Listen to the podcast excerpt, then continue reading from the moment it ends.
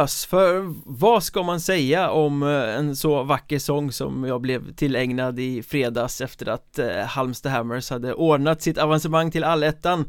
Jag som alltså heter Micke Mjörnberg och har Henrik Hockeystaden Skoglund borta i Jönköpingstrakten med mig för att snacka Hockeyettan snackisar. Jag är hedrad och någonstans måste man ju ge Sledgehammers det här för är det någonting man gör så är det ju att underskatta Halmstad. Ja, det var en vacker hyllning utav dem måste jag säga faktiskt. Och det lär väl finnas fog för att man kommer underskatta Halmstad framöver också. Uh, tyvärr. Man lär väl få fel på det. Men uh, vackert av Sledgehammers. Ja, det var väldigt vackert och uh, den här filmen finns ju att se på deras Facebook-sida om man vill. fast jag har förstått lite att de vill borta i Halmstad numera att vi ska underskatta dem. Det är många mm. som, ja men det är bra för oss när ni tippar oss sist, säger de uh, Nu har vi gjort det så många gånger så att uh, vi kanske måste fortsätta på det spåret Vi får väl se uh, Det tänker vi inte avslöja idag såklart Nej men Du vet ju att vissa klubbar, eller många klubbar tror jag har något slags Hall of Fame liksom i sitt omklädningsrum där det sitter lite bilder på gamla hjältar och sånt. Tror du du och jag sitter uppe i Halmstads? Jag hoppas Som... ju det, jag förutsätter nästan det som en påminnelse på varsin piltavla Den här eh, bensinen, motivationen som man får ja. av att tippa sist. Eh, Nej men det är väl bara att ge Sledgehammers det här eh, Det är ett kärleksfullt vackert hån och det ska vi ha för vi har bommat Halmstad återigen. Eh, De är väldigt imponerade som är vidare till allettan. Och mm. eh, vad, vad ska man säga, vad är dina spontana funderingar nu inför eh, allettorna som väntar. Vi får alltså en söderserie i allettan med Kalmar, Karlskrona, Troja, Halmstad, Nybro HC-dalen, Skövde, Tranås, Mariestad och Visby-Roma Känns som ett getingbo säger jag. Ja, eh, där det faktiskt blir eh, väldigt svårt egentligen och man har väl kanske någorlunda hum om ja, i vilket skikt av tabellen några av lagen kommer att placera sig. Men det är jättesvårt alltså. Vissa har man ju som... Ja men om vi nu tar Halmstad som exempel. De kan ju lika gärna gå och vinna. Som att komma sist känner jag. Mm. I den serien och... Eh, jag menar kollar man hur, hur lagen har presterat internt mot varandra i grundserierna. Här så, så, så är det ju rätt jämnt eh, faktiskt. Skulle jag säga. Samtidigt har vi ju lag då som Mariestad och som Nybro till exempel som har presterat betydligt sämre än vad man hade kunnat förvänta sig i grundserierna men som mm. ändå är framme i allettan. Ja, Och hur precis. ska man vikta dem här nu då? Kommer de fortsätta vara lite halvsaggiga eller kommer de lyfta sig till sin normala nivå? Eh, jag tycker det är skitsvårt. Vi ska ju eh, göra några avsnitt längre fram där vi kommer att tippa de här serierna men Tittar jag på det just nu så ser jag tio lag som är liksom, men ganska jämna ändå. Det finns några storsatsningar som måste gälla som lite favoriter men det är långt ifrån givet. Och det finns inte några bottenlag på samma sätt som det har funnits tidigare år. Där man ser att liksom Ja, men Skövde kommer ju bomma slutspel och de här kommer ligga sist. Nej. Eh, Det finns inte, det går inte att plocka ut en jumbo i den här eh, samlingen utan där kommer man ju få chansa. Nej. Går man på hur eh, lagen i den södra allettan har, presterat i grundserierna eh, gentemot de andra toppkonkurrenterna så är det ju Mariestad och Halmstad som har gått klart sämst. Eh, Skövde, Nybrodalen har gått eh, absolut bäst. Eh, mot sina toppkonkurrenter så att, eh... Men det har man ju lärt sig genom åren också att man kan inte titta på grundserieresultaten för allt börjar de på noll liksom Ja så det är ju en helt annan sak nu Jo, så är det. Men det är väl en liten indikation skulle jag ändå säga där att eh, exempelvis nu, nu kommer den här underskattningen igen då men att Halmstad kanske inte riktigt räcker till mot de bästa lagen. Vad ska Skoglund säga nu? jag vill ha en egen hyllning. Därför jag slänger bensin på elden. Eh, lite annan syn är väl om man tittar på eh, Hockey 1, eller vad säger jag, Allettan norra Där vi får Väsby, Nyköping, Strömsbro, Hanviken, Lindlöven, Boden, Hudiksvall, Piteå, Sundsvall och Kiruna IF som redde ut stormen och piskade, helt tvärt vad du sa faktiskt, eh, Kalix i den sista omgången av grundserien Ja, imponerande faktiskt. De har ju bommat här nu eh, avgörande matcher två säsonger i rad. Kiruna och eh, 8-3 blev det va? Mot eh, Kalix. Ja. I slutomgången där. Och starkt imponerande och eh, kanske också då ett underbetyg till Kalix. Att de eh, Verkligen. ner sig fullständigt. Fast Kalix har ju å andra sidan då varit väldigt dåliga på bortaplan hela grundserien Precis som Kiruna IF i och för sig så att eh, det kanske var logiskt ändå då Men, men eh, tittar man på Allettan Norra här då så Ja men här blir det ju några uttalade storfavoriter, fyra lag som jag tänker och som alla jag har hört tänka om det här placerar i en egen liten korg med eh, Boden, Hudiksvall, Väsby och Piteå som fyra i en klass för sig Sen väldigt öppet där bakom kanske Mm. med några tydliga bottenkonkurrenter också kanske men men betydligt mer skiktat i eh, den norra än jämnheten i den södra Ja, definitivt. Ehm, Det känns som att det är några lag som kommer springa ifrån det, precis som du säger. Och eh, även där jag som då har jämfört eh, lagen eh, som jag var inne på med Söder där så, så är det ju, har jag jämfört lagen, eh, lagens prestationer gentemot toppkonkurrenterna och eh, här har vi några lag som sticker ut. Det är Hudiksvall, Väsby och Boden som eh, snittar klart över, eller klart över, men de snittar över två poäng i alla fall per match mm mot eh, toppkonkurrenterna. Sen kanske det inte är jätte konkurrens säger jag med viss tveka, tvekan. Men eh, ja, precis. Eh, jag har gjort en annan liten spaning förresten. Ja, låt höra Ja, men det är det att eh, kollar man på hur spelarna har presterat eh, individuellt emot toppmotstånd, alltså topp 5 Mm. i den egna grundserien, så är det faktiskt så att eh, Hudiksvall sticker ut. Nu har ju de en 10-1-seger emot Kiruna IF att falla tillbaka på, men i den här sammanställningen så är det få spelare som når tvåsiffrigt i poängantal. Men Hudiksvall har eh, fem stycken som faktiskt gör det. Och då ska vi väl säga att det är åtta matcher det va? Ja, precis. Eh, Adam Byström Johansson sticker ut där då med 5 plus 10. Alltså i, i matcherna mot eh, Boden, Piteå, Kiruna IF och Sundsvall då såklart mm, jajamän, jajamän. Det, det kan man även se då här. Det ser inte riktigt likadant ut i södra allettan ska jag säga med med att de här storstjärnorna levererar poäng i parti och minut eh, mot toppmotstånd. Men däremot så gör det det eh, i norr. Och då tänker jag på Väsby som jag ska försöka få fram här på min lilla lista. För jag har ju inte det här i huvudet såklart.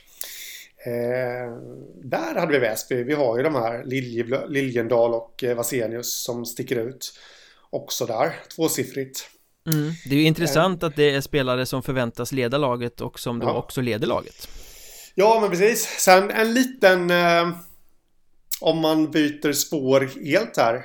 Eller vi kan ju faktiskt avhandla kanske ett annat lag som vi väl kanske trodde skulle ha spelare som levererar mycket poäng emot toppmotstånd så är det ju Boden. Men där Mm. ser det inte ut så. Deras poängbästa spelare, vilket är Fabian Nilsson och Pontus Johansson, har bägge sex poäng. Snittar sig under en poäng. Och då är ju. Pontus Johansson väldigt väntad för det är ju en Dynamo Mm. som leder det där laget Kanske deras enskilt bästa spelare men Fabian Nilsson är ju en skräll För det är ju Ja, en Fabian Nilsson- längre ner i hierarkin Ja, men imponerande. Och det är lite en sån kille som man vill sätta att han tänder till i de viktiga matcherna på. För det är fyra mål han har gjort emot toppmotståndet här. Mhm. Så det är lite imponerande. En, men den spaningen jag ville eh, vara inne på här. Ska vi se. Som sagt, det är en lång, lång, lång lista. Eh, som jag tycker är lite imponerande här. Det är ju Lindlövens Isak Jonsson. Som också har nått upp till tvåsiffrigt mot toppmotstånd. Jaha 4 plus 6. Så eh, ja, statistik, statistik. Men det mm. Och då har han gjort sina poäng då mot Tranås, Håsedalen, Skövde och Mariestad Ja, precis. Det har han gjort. Eh, sen är det väl inte så himla mycket. Jag har inte hunnit vad ska man säga, marinera den här statistiken riktigt än. För jag gjorde nog Sålla klart den. statistikunderlaget Mm, jag gjorde klart den, eh, ja, halv ett tror jag, i natt. Så jag är jättetrött idag. Får farbror vara uppe så länge på kvällarna alltså? Ja, det är knappt så jag får vara där. Men hemtjänstpersonalen kom in där och sa Ja. att jag var tvungen att gå och lägga mig. Jag förstår Men jag eh, nej, det, det är lite intressant att kolla. Det var faktiskt en läsare som hörde av sig och eh, läsare slash lyssnare som hörde av sig och eh, beställde faktiskt den här. Det var intressant att göra. Mm. Hur eh, spelarna i allettanlagen presterar mot toppmotstånd. För det, där kan man ju kanske skilja ut lite också. Eh, ja, men agnarna från vetet. Vilka som presterar när det bränner till. Ja men det var ju det vi pratade lite om i förra veckans Patreon-avsnitt också Hur eh, de förväntade toppspelarna i Mariestad inte gjorde poäng mot topplagen Utan mm. bara mot de lite sämre lagen i botten Ja men precis så ska vi gå in lite på Mariestad kanske så har vi ju en som levererar också tvåsiffrigt faktiskt. Eh, och det är Oskar Tellström. Mm. Som verkligen levererar mot toppmotstånd. Och sen har vi Jesper Lindén då såklart. Eh, men det är väl de som snittar en poäng. Ja, och där har vi Mariestads enda lyckade nyförvärv den här säsongen samt deras i särklass bästa spelare som borde vara ja. i Hockeyallsvenskan. Mm, precis. Ja, det blir intressant, vi ska eh, dyka djupare i de här allettan-tabellerna längre fram Men vi ska väl kanske nämna vårserierna också då. För formens skull, vi får en vårserie södra med Borås, Mörrum om de spelar. Vimmerby, Kriff, Tyringe, Eskilstuna Linden, Forshaga, Köping, Segeltorp och Huddinge. Um, Kort kan man väl säga att här hamnar ju två av de lagen som vi har flaggat för löper störst risk att åka ur med Köping och Segeltorp då mm. i samma serie här. Mm. Det gör de. Och eh, det är väl kanske lycka för en av klubbarna då. Helt enkelt. Att de eh, kanske till och med kan undvika kval. Ja, och här, här, här kommer väl eh, Huddinge, Borås och Vimmerby pekas ut som de som är favoriter. Mm. Till att ta eh, topp tre, troligtvis. Ja, jag har också tänkt den tanken eh, just gällande Vimmerby. Som jag hade tänkt avhandla, så det var bra att du nämnde dem där.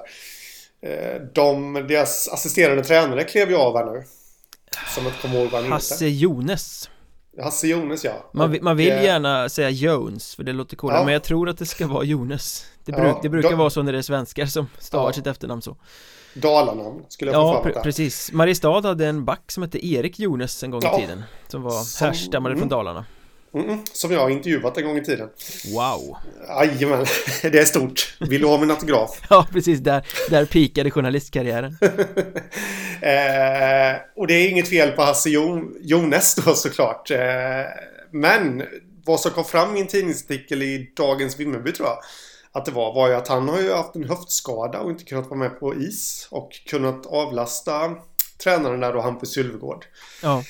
Eh, nu får ju han lite hjälp då i och med att sportchefen kliver ner i båset. Det kan man ju tycka vad man vill om. Att eh, huvudtränarens chef ska stå bredvid honom. Men, men just i vardagen där. Eh, att han får avlastning i, på träningarna och sånt. Det kanske kan borga för att Vimmerby ja, blir starkare. Mm. Ja, det är som sagt sportchefen Pelle Johansson som kommer in där och tar assisterande tränarrollen. Också Han är ju redan sportansvarig för A-laget och har hand om juniorverksamheten. Det blir många strängar på lyran där, många fingrar i många burkar. Jag tycker att det är en halvdan lösning. Det är bättre att mm. sportchefen får vara sportchef. Det är bättre att de går ut och försöker hitta en assisterande. Ja, nej men så, så är det Och jag, vi, vi kommer ju komma till Mörrum och situationen där snart men jag har en artikel på Hockeysverige idag, eh, plusmaterial där eh, jag spekulerar i var Mörrums spelartrupp kan komma att hamna nu när de måste lätta på kostnaderna och eh, jag lanserade tanken där att skulle inte Thomas Engman kunna ryckas upp från Mörrum och sättas in som ass eller 50-50 med Sylvegård i Vimmerbybåset? Ja, smart tanke. Ja, vi får väl se. Och, och vad gäller den här södra vårserien så både Mörrum och Kriff, de två Blekingelagen här är väl lite oskrivna kort, vi vet inte riktigt vad vi kommer få. Att, att Mörrum kommer behöva skeppa spelare vet vi. Det ryktas ju också rätt mycket om att många av eh, Kriffs spelare bjuds ut av sina agenter till andra klubbar. Mm. eh, Så att det kan nog eventuellt bli en liten spelarflykt där också. Mm, eh, och jag menar Då har vi ju Köping och Segeltorp som kanske liksom ja, naturligt kommer bli väldigt nederlagstippade i den här serien. Eh, men som ändå i mångt och mycket kommer att ha kvar sina trupper även om Segeltorp har tappat en hel del. Då, men, men du förstår lite vad jag menar. Det finns inga förväntningar för dem. Det finns ju lite mera tryck på att Mörrum och Kriff inte ska hamna i botten. De räddas kvar av härdsmältan i Blekinge menar du? Ja, lite där kanske. Ja, så skulle det kunna bli. Mm. Vi, vi kikar på norra vårserien också där vi har Vännäs, Örnsköldsvik, Teg, Kalix, Surahammar, Bålänge, Wings, Vallentuna och Enköping Och det här blir ju kanske ännu mer än tidigare år en liksom bakgård en, ja. en serie med lag utan något större publikintresse som kommer att få agera i medial skugga totalt Ja, eh, min första tanke om den serien, eh, spontana tanke är ju att eh, nu måste ju Surahammar visa ifall de är på riktigt. Ja, Jag känner ju minst att de ska vara att de ska vara favoriter i den här serien. Ja, det är väl Surahammar och Kalix som ska ha favoritskap. Mm. Å andra sidan så kommer ju förmodligen allettan-klubbarna att vara och rycka ganska ordentligt i spelarna i de här trupperna. Kanske även ja. allsvenska lag För jag menar det finns ju kvalitet både i Surahammar och Kalix på specifika killar mm. eh, Blir de kvar till vårserien? Det återstår ju att se Kristoffer mm. Björk till exempel Han var tvåa bakom eh, polaren Emil Lindblom där i, i Hockeyettans totala poängliga den här hösten mm. Spelade med AIK igår i, Hemma mot Mora eh, Vad jag förstår så är det ett lån men att det kanske finns någon sorts option där också som gör att Eventuellt kan AIK ta loss honom om de skulle bli mm. imponerade Ja, nej men det känns ju som den duvon är högvilt för andra klubbar Ja, de ska ju inte eh, spela i, i norra vårserien Det är slöseri med potential Ja, men så är det ju. Och sen, sen får man ju tänka lite där om vi vänder tillbaka till Surahammar då. Som kille som Lukas Söderlund. Eh, vi har ju David Otter också som väl stod för Västerås va? Ja, Västerås har Ian Blomqvist med JVM och Johan Gustafsson mm. skadad Så de hade mm. David Otter i kassen och Jonas Eneroth från Köping som backup ja. tror jag När de spelade mot, eh, torskade mot Almtuna igår mm. eh, Det finns ju guldkorn i Surahammar också och det, det, är också en liten grej man ska väva in i det här att är Surahammar på riktigt eh, här har de en chans att kunna spara pengar för, för att åka ur. Det tror jag inte att de gör. Inte ens, inte ens negativt kval. Eh, men nu har de chansen att kunna skeppa iväg lite spelare. Men å andra sidan. Jag känner att Surahammar har tagit väldigt stora kliv de senaste säsongerna. Jag säger inte att det är en stor klubb i Hockeyettan, absolut inte. Men någonstans i skiktet under. Där är de. Ja. Och då är lite... Mm, hur är, ska det verkligen vara deras identitet att skeppa spelare? Förstår du? Ja, men, det känns lite konstigt. Nej, börjar de skeppa spelare nu så är det ju stor risk att de tappar den här boosten de har fått och intresset kring sig ja. Och faller tillbaka till att vara det här loser-gänget mm. Så att jag tror det är viktigt att hålla i spelarna Men samtidigt Vilken klubb ringer inte till Lukas Södlund? Det finns väl inte en allettan-klubb som inte skulle vara intresserad av den typen av målskytt och det är mm. många hockeyettan-klubbar som söker centrar André Astley måste väl ändå anses vara en av de bättre som ska spela vårserien. Kommer mm. säkert också få ett och annat samtal. Eh, ja, det, det, är en balansgång för Jörgen Mäler där Som man ska gå, ja, släppa eller inte eh, släppa. Ja men precis, nej men så är det absolut. Och eh, Det är svåra eh, Svåra saker att ta ställning till Skulle jag säga. Mm, Det kommer ju hända mycket fram till jul så vi får väl ha ögonen på det helt enkelt och med det avhandlat så ska vi väl också säga att nu när grundserierna är avslutade så eh, kommer vi på Patreon den här veckan att snacka om de stora överraskningarna och besvikelserna från eh, grundserierna. Fem överraskningslag, fem besvikelser och ja, vrida och vända lite på dem. För det är ju så att alla som är godhjärtade och stöttar podden med några riksdaler i månaden hjälper inte bara till så att eh, ni kan få lyssna på de här två unga herrarna svada en gång i veckan utan ni får ju också bonusmaterial. Och gå in på Patreon Patreon.com Sök efter Mjölnbergs Trash Talk så står det precis som man gör för att stötta podden och för att lyssna på bonusmaterialet. Och som att vi har teasat lite om så kommer det komma ännu mer efter jul sen men vi, vi får anledning att återkomma till det. Den här veckan alltså besvikelser och överraskningar från grundserien. Men eh, nu har vi ju gått lite som katten kring het gröt eller vad man säger. Vi har nämnt Mörrum och vi har nämnt spelarflykt. Vi måste väl snacka lite konkret också om situationen i Mörrum det har ju varit kärvt har vi fått veta men i veckan så eh, la de korten på bordet på en presskonferens och vad var det? En total skuld på 6,7 miljoner och 1,8 miljoner som måste in senast i april typ. Det vill säga det är eh, superdålig ekonomi i Mörrum. Ja, 1,8 miljoner är inte riktigt någonting som man eh, får in i en handvändning. Liksom speciellt inte för en eh, Hockeyettan-klubb av eh, Mörrums eh, storlek heller. Eh, jag har väldigt svårt att se hur de ska kunna få in de pengarna såvida det inte då dyker upp allmosor från diverse privatpersoner och företag.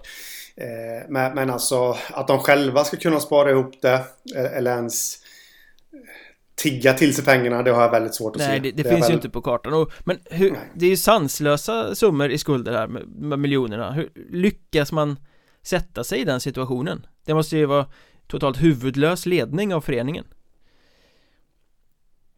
Ja, det känns ju som det.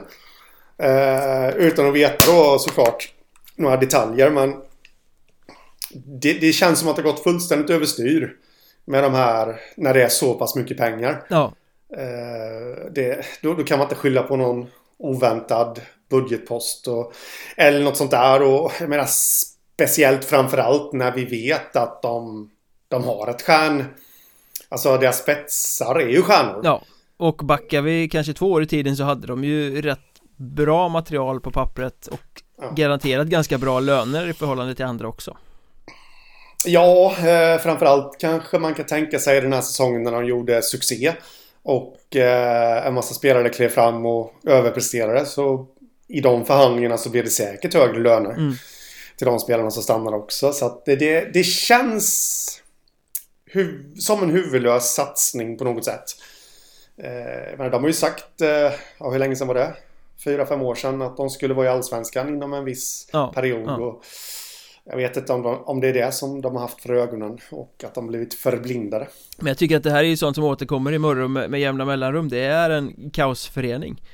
Eh, ja. Och nu är vi där igen, som ofta händer i hockeyklubbar, att nej, rädda oss, in med pengar, hjälp oss att rädda föreningen, hjälp oss, hjälp oss, ja men är det värt att rädda då? Alltså, ni, ni har varit i den här situationen förr, ni har satt er i skiten igen, varför ska folk gå in med sina pengar för att rädda, vad finns att rädda? En klubb med ett skamfilat rykte uh, Och man drar den här ur röven att det är så viktigt för ungdomarna och sådär men vad jag förstår så blev väl ungdomsverksamheten kvar även om A-verksamheten skulle kursa. Mm, ja det är så jag har förstått också. Så att liksom uh, Ja men nu ska man då spara, man ska göra en intern rekonstruktion. Troligtvis kommer merparten av spelartruppen överge laget Vilket innebär att man kommer sitta med en riktigt svag trupp in i vårserien. Och jag frågar mig lite så här, varför ska man överhuvudtaget spela vårserien då? Om, mm. om det nu är så att man inte kommer ha någon trupp kvar, om man ska spara alla pengar man kan spara Då är det ju inte logiskt att åka runt för jag menar vårserien kommer bli dyrare än grundserien för det kommer vara längre resor i vårserien och Ja Jag menar då är det pengar som man bara pruttar iväg med ett jättedåligt lag för att sen eventuellt ändå åka ner i division 2 Det är väl lika bra mm. att, att, dra pluggen nu direkt, sluta leva på hoppet och, och plocka ner A-laget en nivå och spara in de där pengarna Ja, jag känner lite likadant. Sen tror jag väl att det är mycket så eh, om man nu ser till vad det känns som att det har varit lite huvudlöst med ekonomin så känns ju även detta lite huvudlöst också att går det så går det helt enkelt. Eh, vilket ja, det är ju oansvarigt gentemot den egna klubben såklart. Men även mot andra föreningar. Alltså... Och de fordringsägare som finns. Ja. ja. men vi kör lite ändå och sen kursar vi så kursar vi. Mm. Eh, ja, så att ingen får sina pengar liksom.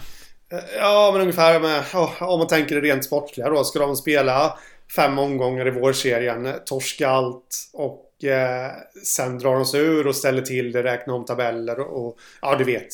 Då är det väl bättre att man... Eh, det hade varit en sak om det hade varit en skuld på 100 000. Ja. Alltså, och då hade de fixat det. Men nu 1,8 miljoner, det är inte säkert att klubben överlever. Ah, där tycker jag nog att man ska ta ansvar. Det är 1,8 miljoner som ska fram i kort perspektiv men sen är det mycket mer ja. skulder kvar efter det också. Ja, så, det, så det är inte direkt så att de blir skuldfria och glada och Nej. kan satsa vidare efter det eh, jag, jag får framför mig de här scenarierna som har varit de senaste tio åren Vi hade Munkfors någon säsong som Hamnade i bryderier, alla spelare drog som åkte runt och fick stryk med 16-2 och allt vad det var Sen ja. hade vi Varberg för några år sedan som var exakt samma visa där de Åkte omkring och fick dyngspö, det var 12-0 och, och sådär innan de till slut kursade. Eller drog sig ur, jag kommer inte ihåg hur det var riktigt men Det blir ju inte kul, de här spelarflyktslagen som ändå ska vara kvar och som åker runt och inte kan konkurrera. Och så blir det bara pannkaka av allt så att jag har svårt att se För vi har ju redan sett det hur spelare har börjat överge skeppet och många, många fler kommer ju göra det. De ska förhandla ner löner och det är inte så lätt för spelare att bara, ja men jag vill spela kvar i Mörrum utan att få betalt Eh, nej, så är det ju. Sen, sen är ju frågan lite hur Mörrum eh, kommer agera. Jag är inte... Jag är inte helt hundra på att de kommer bli givna slagpåsar om du följer med mig här nu i mitt resonemang. Eh, som kommer ta ett litet tag till så det finns ju i södra Hockeytvåan hyfsat starka lag i närheten av Mörrum också. Så frågan är lite hur de agerar. Säg att de tappar 10 spelare ja, kommer de fylla på det med egna ungdomar? Ja, då, då kommer det nog bli väldigt tufft för dem i serien. Men kommer de fylla på med kanske lite gamla spelare som, som lirar division 2 hockey, som har varit i ettan förut, kanske lite spelare på väg upp då. Fast varför skulle de ta klivet från en rätt soft tillvaro i division 2 och komma till ett mörrum där man blir slagpåse och inte får betalt? Ja, men det är ju en hel del som liksom tidigare inte har fått plats i Mörrum helt enkelt. Eller, och KRIF och eh, Eh, och, och Karlskrona. Ja, så är det ju, men jag har ändå svårt att se det hända att någon liksom ska välja att ta klivet upp till Mörrum i den här situationen utan jag tror att man får fylla på med egna juniorer och det har man ju inte av sån kvalitet att det går att bära sig ens i en vårserie. No, nej, vi är inte eniga där. Det, jag tror ändå att det är en chans för många hungriga division 2-spelare där. Sen såklart så finns det ju de som, som har trappat ner och och har en soft tillvaro som du säger. Men det finns ju även sådana som är på väg upp och det... är... Jag tror det. Sen säger inte jag att, att de kommer hjälpa Mörrum till några underverk rent sportsligt. Men kanske, kanske att det kan vara... Vi var inne på det förut i avsnittet här. Vi pratade Köping, vi pratade Segeltorp. Som absolut inte har vassa lag. Där skulle man kunna vara med och konkurrera om man, om man kör en sån lösning. Men det, de har ju tillsatt en... Eh, vad var det det hette? En... Eh, åtgärdsplansgrupp. Ja, eller något sånt där ja. Något sånt där. Eh, I Mörrum, så det återstår ju att se vad de kommer fram till. Ja, jag, jag tror att eh, det bästa vore faktiskt att dra sig ur, göra som Kiruna AF eh, Satsa på juniorverksamheten, försöka sanera sig och komma tillbaka med ett A-lag om några år Men vi får väl se vad som händer Eh, som sagt så blir ju Mörrum ett smörgåsbord Jag har en artikel på Hockeysverige idag om vart spelarna kan tänkas hamna. Vissa har redan dragit vidare Gustav Bågenvik, målvakten eh, till danska Herlev. Och eh, igår så eh, presenterade Karlskrona en återkomst för John Henrien Han ska alltså spetsa KHK i jakten på Hockeyallsvenskan. Vad tänker du om den värvningen? Eh, nej men bra Känner jag. Eh, sen är inte jag så himla säker på att Henryon, förstår mig rätt nu, men jag är inte så himla säker på att han kommer spetsa. Han kommer inte bli den där überspetsen i Karlskrona. Känner jag, men eh, det är absolut, han kommer ju spetsa bredden i den truppen. Ett vasst powerplay-vapen. Ja, det också. Och eh, en kille som kan avgöra matcher och alltihopa. Så det, det är ju absolut, han kommer inte bli den stora stjärnan och det kanske även kan vara bra för honom. Det kommer inte hänga på honom i Karlskrona för de har så många andra som kommer leverera framåt. Så jag tror bara att det är bra. Han känner ju stan och har varit där innan och alltihopa. Eh, jag tycker det, på tal om Henry. Jag tycker det är lite Jag tycker det är lite märkligt det här att eh, Nu när Karlskrona ändå är intresserade av Henry och tar in honom och dessutom skriver kontrakt även över nästa säsong då måste man ju ställa sig frågan varför spelade han överhuvudtaget i Mörrum och inte i Karlskrona? För han är ju i Blekinge på grund av familjesituationen Han träffade väl sin tjej där som blev fru och ville flytta dit och allting sånt där Men Karlskrona har ju också varit i Hockeyettan hela tiden han har spelat i Mörrum Så mm. frågan är, och Karlskrona har bättre förutsättningar, de har haft större satsning, de kan betala mer Varför har han överhuvudtaget spelat i Mörrum? Um, kan det ha varit ett koncept? Som presenterades för honom som lät väldigt lockande i morgon. Eller hade Karlskrona inte intresse tidigare men har det nu på grund av att spelarmarknaden är som den är? Jag har också tänkt den tanken faktiskt. Lite så.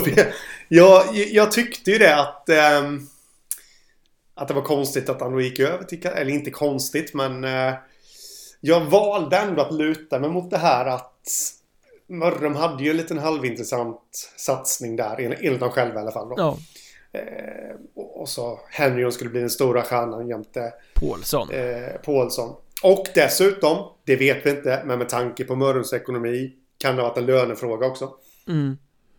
Karlskrona kanske inte ville erbjuda mer än si och så mycket slantar i månaden medan Mörrum kanske matchar den. Nu spekulerar jag bara. Men... eh, Ja men det att, att Karlskrona både har mer pengar och är smartare i sitt bygge Det är väl inte så mycket att orda om Nej, det är det absolut inte.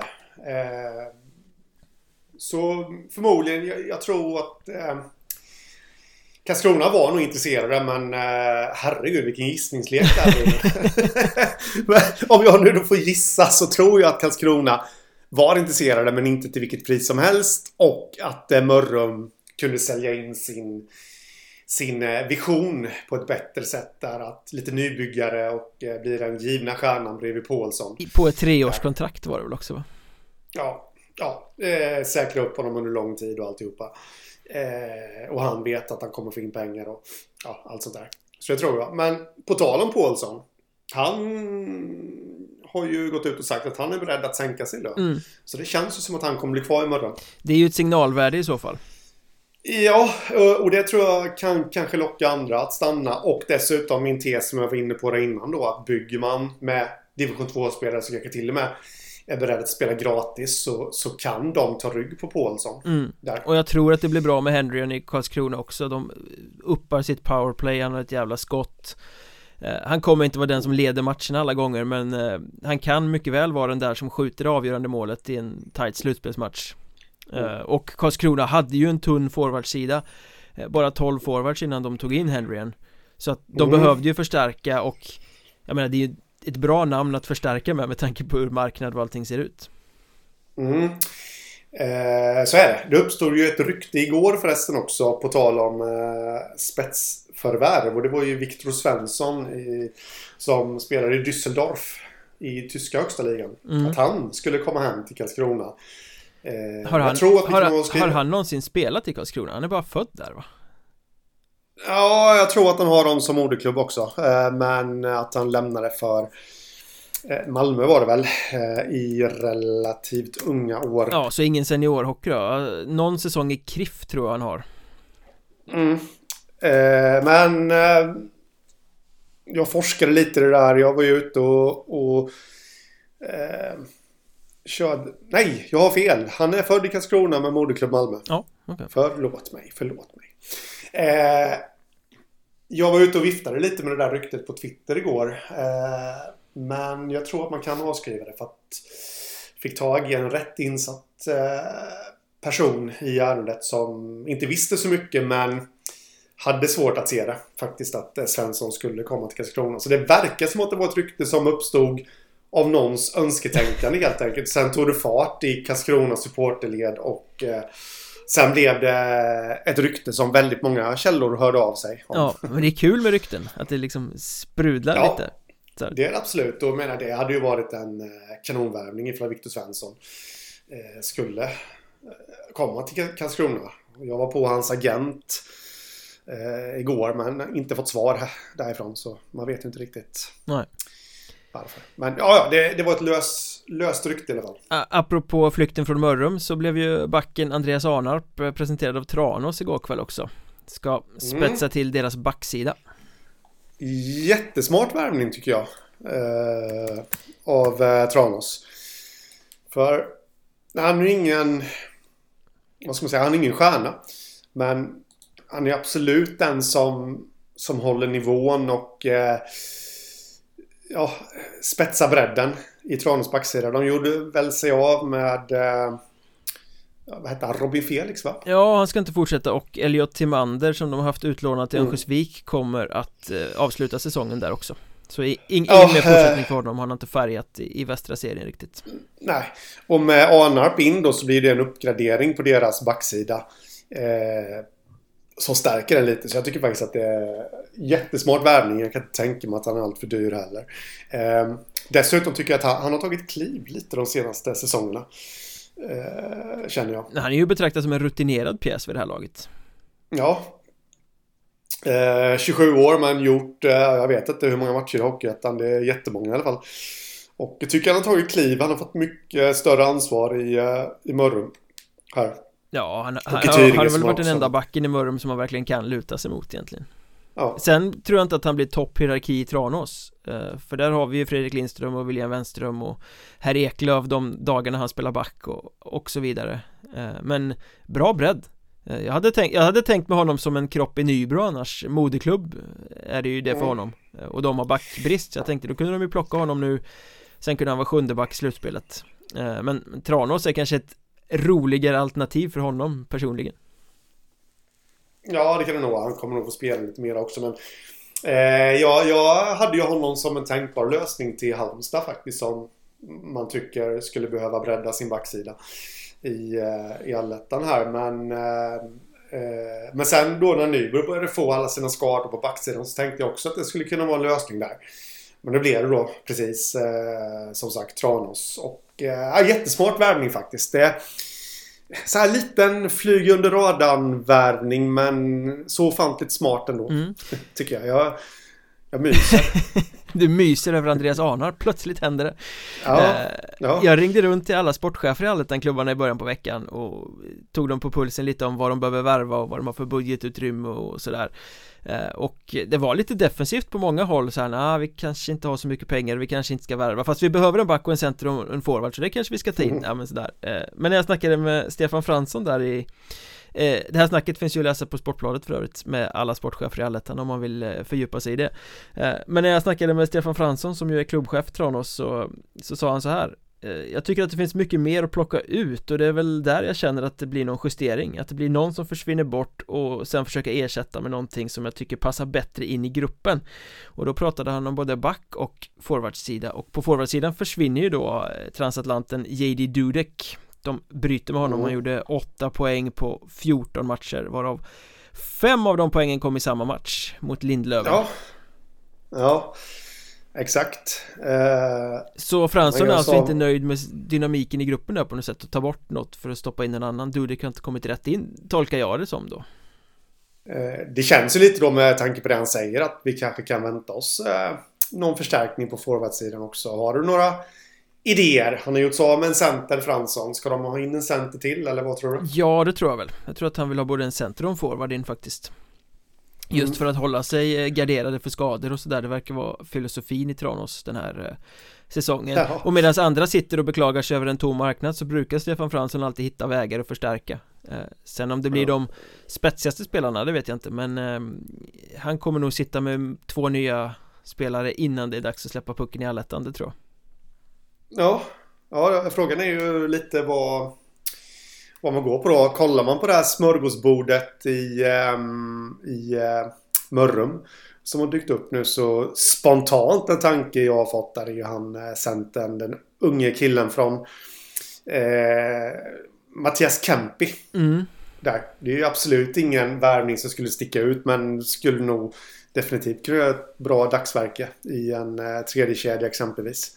Eventuellt. Han har ju varit i Köping ja. tidigare också, fick det inte att stämma i Nybro Eh, var hemma i moderklubben Sollentuna en sväng Jag eh, tänker väl med att Om han lämnar Mörrum att han kanske vänder åter hem mot Stockholm och spelar med Wings kanske eller Hanviken i Aletta Norra De jagar ju forward ja. mm. Men på spåret JD Dudek här då som lämnar Tranås Alltså det här kopplet av misslyckade transatlanter det bara fortsätter eh, För han var ju inte mm. den enda nordamerikanen som fick lämna sin klubb i veckan utan Kalmar gjorde sig av med Aiden Jameson Backen som kom in och skulle vara rutinerad härförare. Han eh, Gjorde bara fyra matcher, det funkar inte alls för honom där. Och i Nyköping så valde man att bryta med Tyler Jeanson som Nej, han, han jobbade men det blev aldrig så bra som de hade tänkt så då bryter de det avtalet också.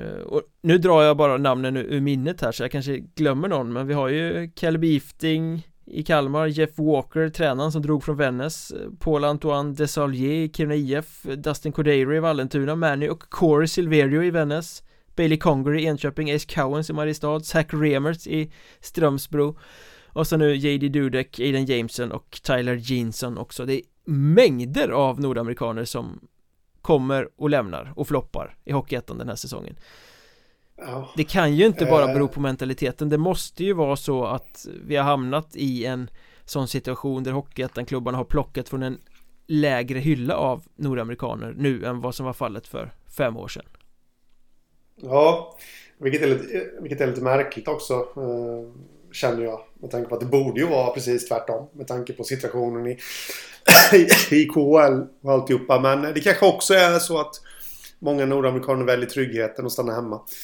Också. Eh, nu hade jag en jättesmart sak att säga som fullständigt blåste bort bara för det. eh, här. Eh, som att följa upp det du sa lite där men... Eh, nej, jag minns inte. Det, det är en annan sak som jag kommer att tänka på bara lite humoristiskt så här när du rabblar upp alla de här namnen. Så såg jag att HC Dalen hade varit, genom en samarbetspartner, hade varit och lämnat av sin nordamerikan på flygplatsen. För att han skulle flyga hem till Toronto och eh, fira jul, Colton Kalesic. Ja, just det. Och då undrar man med tanke på historiken, aha, hur vågar de släppa honom Ja. hem och fira Kommer jul? han Kommer han komma tillbaka? Det återstår att se Ja, eh, det, det skulle vara intressant att få... Det måste ju vara någon som sitter inne med en eh, smartare teori än vad jag kan lansera här på varför så många nordamerikaner lämnar. Ja Ja, det, det är uppseendeväckande faktiskt hur, hur många det är idag som Mm. ger upp och drar hem bara men Vi snackade ju Ja. i någon tidigare podd om världsläget och allting men Ja. Nej jag vet inte det, det är svårt att ha någon teori om det Men det här innebär ju att, Alltså, Kal det- att Kalmar måste jaga back och att eh, Nyköping måste jaga anfallare och, Så att det är ju många om budet nu på marknaden Ja. Kan det vara en sån enkel sak som att det är, eh, den svenska kronan är så fruktansvärt svag just nu? Ja, eventuellt. Jag vet inte. Eventuellt. Jag bara spekulerar. Vi hade ju också en, en uppmärksammad övergång när eh, Lukas McLean köps loss från Nybro till Troja Ljungby. Mm. Det är ju intressant, Troja Ljungby måste spetsa till det.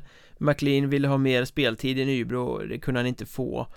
Eh, Och då valde han att gå till Troja som då enligt Nybro som gick ut med och sa att vi fick en ekonomisk uppgörelse med en annan klubb som vi var nöjda med så Troja har väl slantat helt okej där gissar jag Men jag tycker ändå det är märkligt att gnälla över att inte få tillräckligt med speltid i en klubb som bara har 12 forwards Mm.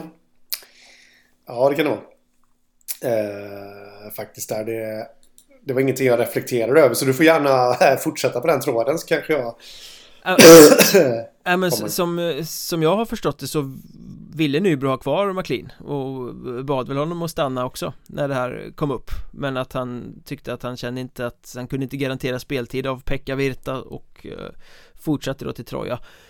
Svårt att se att han ska få mer speltid där egentligen för de har ju en bredare forwardsida. Eh, Mm. Så ja, men jag får lite konstiga vibbar kring det där. Men Samtidigt konstigt av Nybro att släppa en så pass skicklig spelare när de bara har 12 forwards För nu är de ju nere på 11 forwards. Och jag tänker att ska, ska de nej. liksom kunna gå till allsvenskan så måste de ju Ska du gå in i ett slutspel så måste du ha 14 minst. Eh, För du kommer att åka på skador. Så nu står de ju liksom med 11 forwards och 6 backar. Det är ju jättetunt så de måste ju värva tre forwards och två backar kanske. Ja, ja absolut. Och eh, eh, just eh, det jag också tycker är jättemärkligt är att man släpper McLean till en konkurrent. Ja det, det är Alltså, väldigt sån ovanligt, väldigt konkurrent. ovanligt Eh, där eh, det kan mycket väl bli så att Nybro och Troja möts i en avgörande match i, i kvalserien där framåt våren. Eh, så jag tycker att det är jättemärkligt faktiskt. Och de har ju faktiskt släppt eh, Lidström till Visby också. Ja fast det var ju inte lika tydligt, där konkurrent. bröt de ju Lidström som sen blev Ja. fri och skrev med Visby Så det var ju inte att släppa direkt till en konkurrent Nej, Men de kommer ju möta sig. honom i allettan det, det, det blir ju konsekvensen av det I och för sig. Eh, men eh, för att återgå till McLean där så eh, tycker jag att jag får för mig att han, han har setts i Nybro som en eh, kanske inte en stor poängproducent även om han gjorde 25 poäng i fjol vilket väl var bland de bättre i, eh, i det laget. Eh, men, men däremot så jag ser honom som en allround spelare som ska kunna ta lite av vilken roll som helst i ett lag. Och där kommer han komma väl till pass i Troja.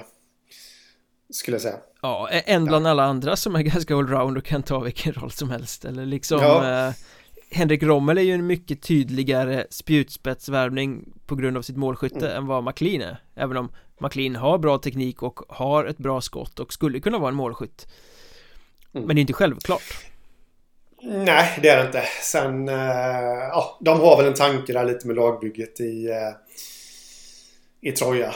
Lite om vem man ska spela med och vilka puckar han får och sånt. Det känns som att han har haft en lite mer undanskymd roll i Nybro. Och förmodligen, nu när det kom in en ny tränare så kanske i Pekka Virta då, så kanske McLean trodde att han skulle bli en av dem som som skulle få leverera offensivt men att det då inte blev så. Det är väl inte långsökt att tänka sig att Virta vill att finnarna ska vara de som spelar första fiolen?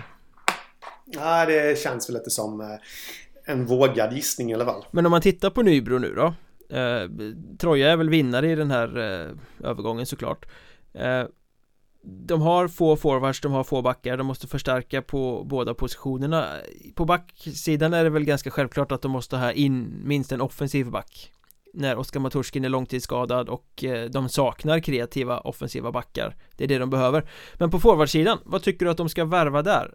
De här eh, två, tre namnen som de måste fylla på med Vad ska det vara för typ av spelare? Eh, alltså de har ju stjärnorna på forwardsidan mm. Så jag är väl lite inne på att det de behöver värva är kanske sådana som kan acceptera och köpa en mer undanskymd roll. Mm i hierarkin. Eh, alltså lite det där vi pratade om Arnarp till Tranås. Eh, en, alltså en rutinerad pjäs men, men alltså som passar perfekt i ett eh, tredje backpar liksom och gör sitt jobb varje dag. Det är väl lite så jag känner kring Nybro.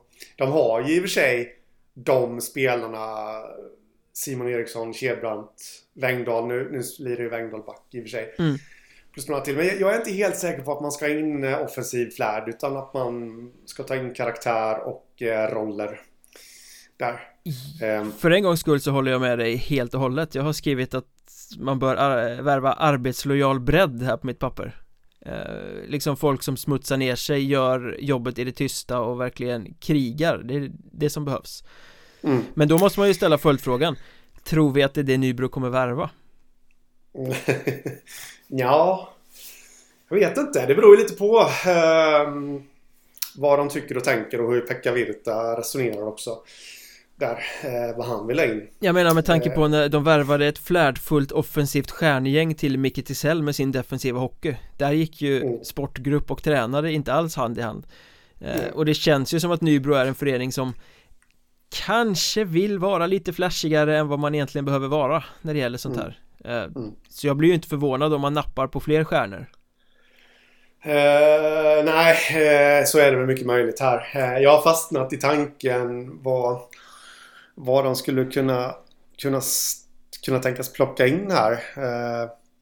men kommer inte så mycket vidare. Jag, jag vet inte om man ska satsa så himla mycket på finnar. Det är klart, det är inget fel på finnar, absolut inte. Men nu har de en hel del. Ja i truppen. Så någonstans, min medicin mot det hela skulle vara du uttryckte det så himla vackert där att arbetslojala spelare, att plocka in sådana från vår serielag ja, helt enkelt. Ja. Ganska billigt, kommer göra jobbet. Ja. Inte så flashigt på pappret, men kanske det som kan ta dem till Allsvenskan till slut. Mm. Eh, för ska man titta på de här riktiga favoriterna till att eh, gå till Allsvenskan, de som hårdsatsar Ganska harmoniskt i Hudiksvall, ganska harmoniskt i Väsby Harmoniskt i Karlskrona också. Troja känns som att de är på väg någonstans. Nybro befinner sig i lite kris och kaos. Mm. eh, Så att de andra lagen ligger ju före just nu Vad det gäller mm. eh, liksom process och allting sådär. Det gör de. Apropå Hudiksvall så plockade de in den här keepern som vi har snackat om hela hösten blev Isak Johansson från Wings som ska axla rollen att konkurrera med Andreas Bosson om att eh, ta Hudiksvall till Hockeyallsvenskan Oväntat svagt val va? Inte för att tala illa om Isak Johansson men jag hade nog trott att det skulle komma en lite större stjärna till Hudiksvall Med tanke på att de ja. petade på både Isak Wallin och Alexander Salin i somras mm. eh, Jag håller med, det hade jag också trott eh, att de skulle. Men förmodligen så kände de väl att de var tvungna att agera nu. Eh, få in eh, någon på nivån över då Simon Rönning som de har haft eh, här tidigare. Så att, ja, helt rätt också. För Isak Johansson tror jag kan leverera ändå. Och skulle det uppstå en skada på Bosson där så, så då står man ju... Då behöver man helt enkelt ha en målvakt som, som funkar i allettan också.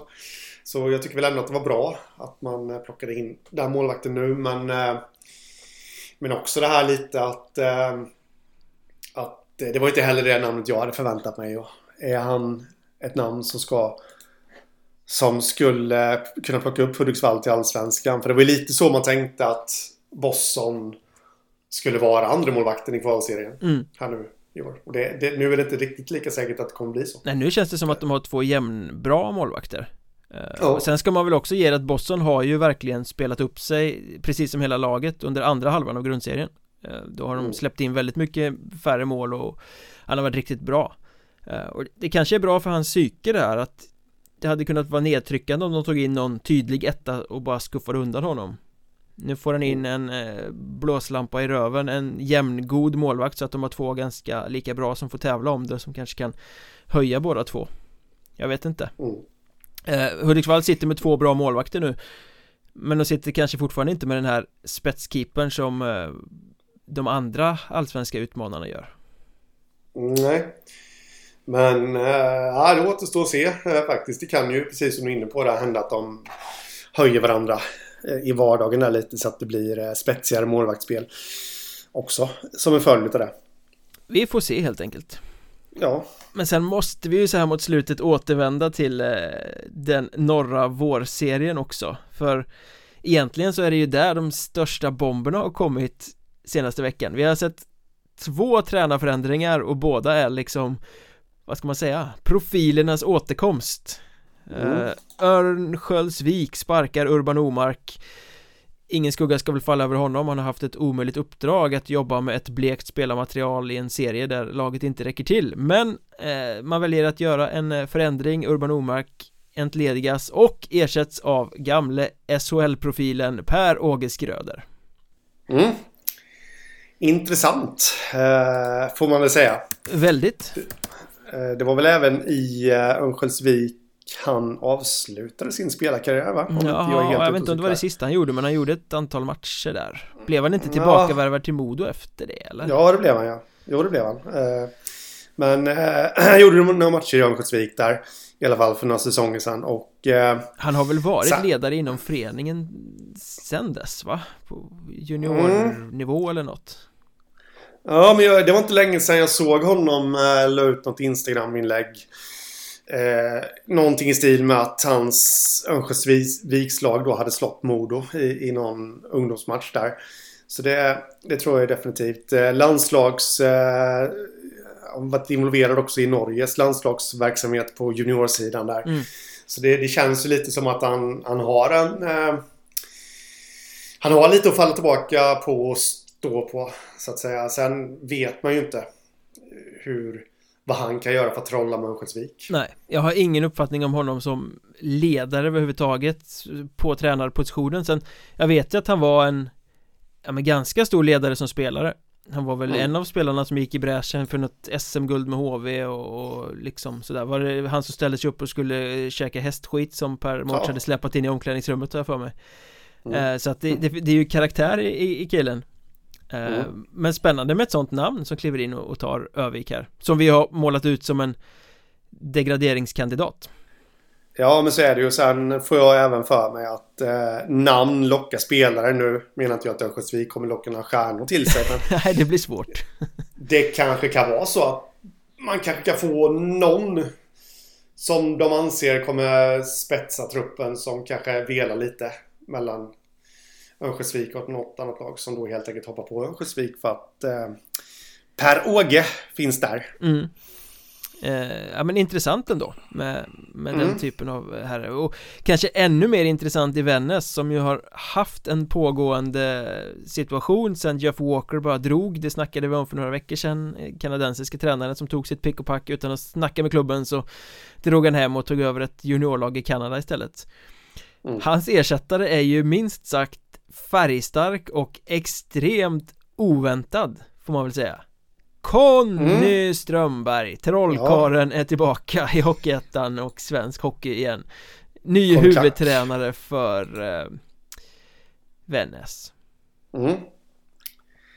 Ja, vad ska man säga om det?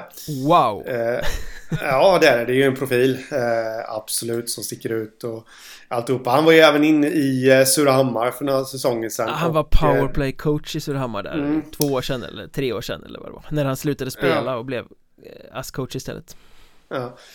Det är ju...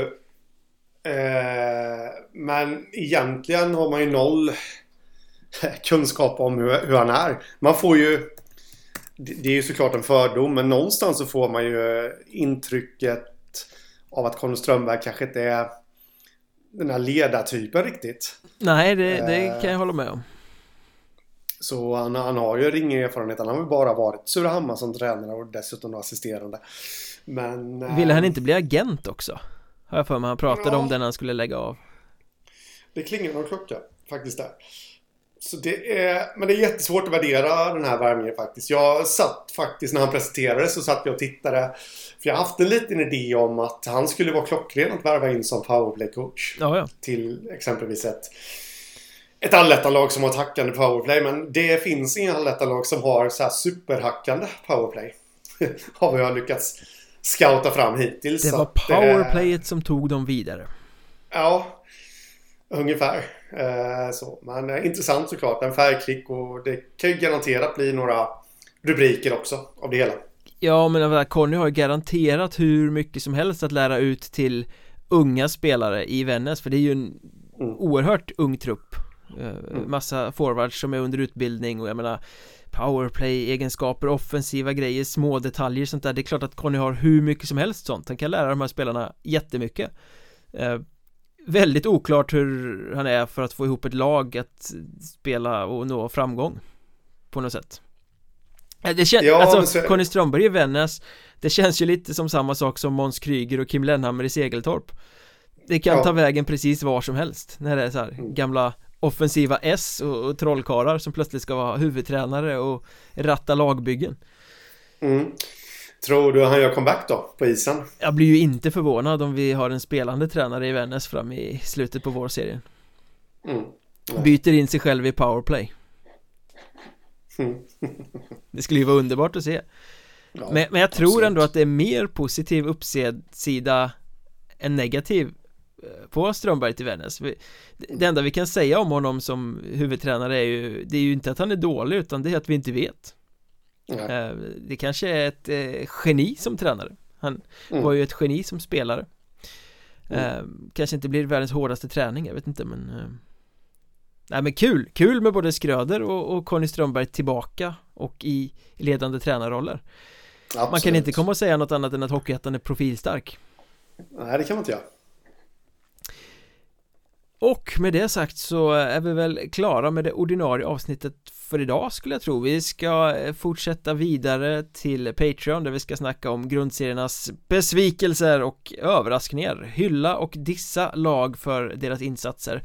Eh, Tio lag till rakning så att säga. Gå in på patreon.com, sök efter Mjölnbergs Trash Talk så eh, står det precis som man gör för att stötta podden och bidra med några riksdaler i månaden och lyssna på bonusmaterial såklart Vi kommer tillbaka med något mer ordinarie avsnitt innan det är dags för jul och så har vi lite annat smått och gott som vi ska bjuda på också Men eh, ja, till dess kan ni skriva till oss på eh, Twitter, att Mjornberg, att Hockeystaden, att Mjornbergpodd Så var det sagt lite snabbt eh, Vi hörs på Patreon och tack för idag Det gör vi. Tack för idag. Ha det gött, Detsamma. tja!